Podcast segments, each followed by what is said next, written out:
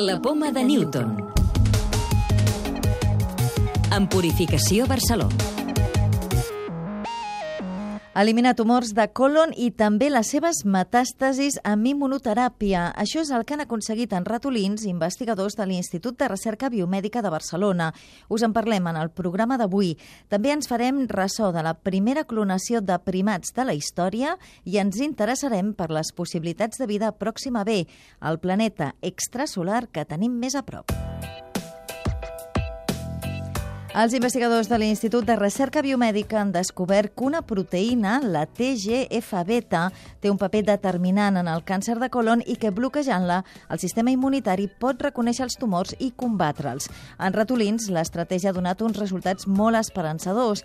Es van modificar aquests animals perquè desenvolupessin tumors humans i metàstasi i entre el 70 i el 80% dels que ja estaven en fase terminal es van acabar curant.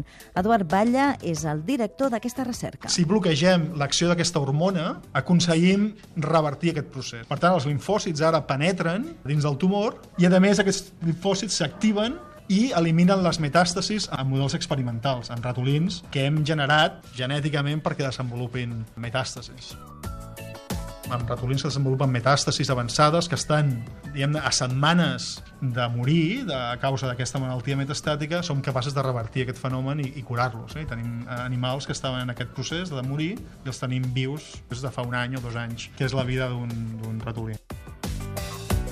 Aquests ratolins que els hem curat, ara els reintroduïm al mateix tumor, el sistema immune, com que ja està instruït, el reconeix i l'elimina. I per tant són resistents a aquestes cel·les tumorals. La recerca publicada a Nature és el primer descobriment que respon a la incògnita de per què el sistema immunitari no actua contra alguns tumors de colon i és una troballa que també pot servir per tractar amb immunoteràpia altres tipus de càncer, com el de pàncreas. Més coses. Per primera vegada s'han clonat amb èxit dos primats, els animals més pròxims als humans. Ho han fet científics xinesos de l'Acadèmia de Ciències de Xangai. L'objectiu era disposar d'animals específics per poder aprofundir en la investigació de malalties humanes. El motiu principal per fer això és una finalitat mèdica. Si podem produir un animal clonat amb un fons genètic idèntic i després editar-lo en gens específics que estan relacionats amb una malaltia humana per provar un medicament o per provar enfocaments per la teràpia. Investigadors de l'Institut d'Investigació Germans Trias i Pujol Canruti han descobert una nova teràpia assajada amb animals que evitaria l'aparició de l'atàxia de Friedrich. La recerca d'aquests investigadors es basa en la generació d'un virus modificat genèticament que s'introdueix en les neurones i aconsegueix evitar la pèrdua d'una proteïna necessària per al cerebel i el moll de l'os. Els impulsors d'un nou fàrmac volen crear l'any que ve un spin-off per desenvolupar el producte i esperen començar els assajos amb humans el 2020. Investigadors de l'Institut Català de Paleontologia Humana han participat en la descoberta d'un nou tipus de rinoceron que va viure fa un milió d'anys. La troballa s'ha fet en el jaciment de la Serra de Quibes, a Vanilla, Múrcia, i servirà per entendre millor com era Europa en el Pleistocè inferior. Els científics han trobat concretament l'os d'una extremitat i un fragment de la dentadura d'un rinoceron, les primeres restes d'aquesta espècie que es troben al jaciment. La clau de volta. Podria haver-hi vida a Pròxima B?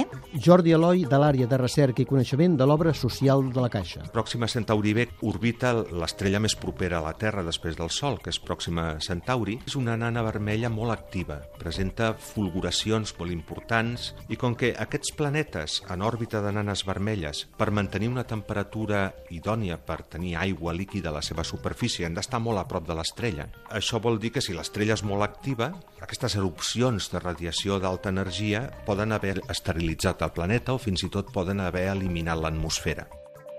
Recordeu que ja podeu descarregar-vos el podcast de la Poma de Newton o subscriure-us al programa per rebre'l directament als vostres dispositius.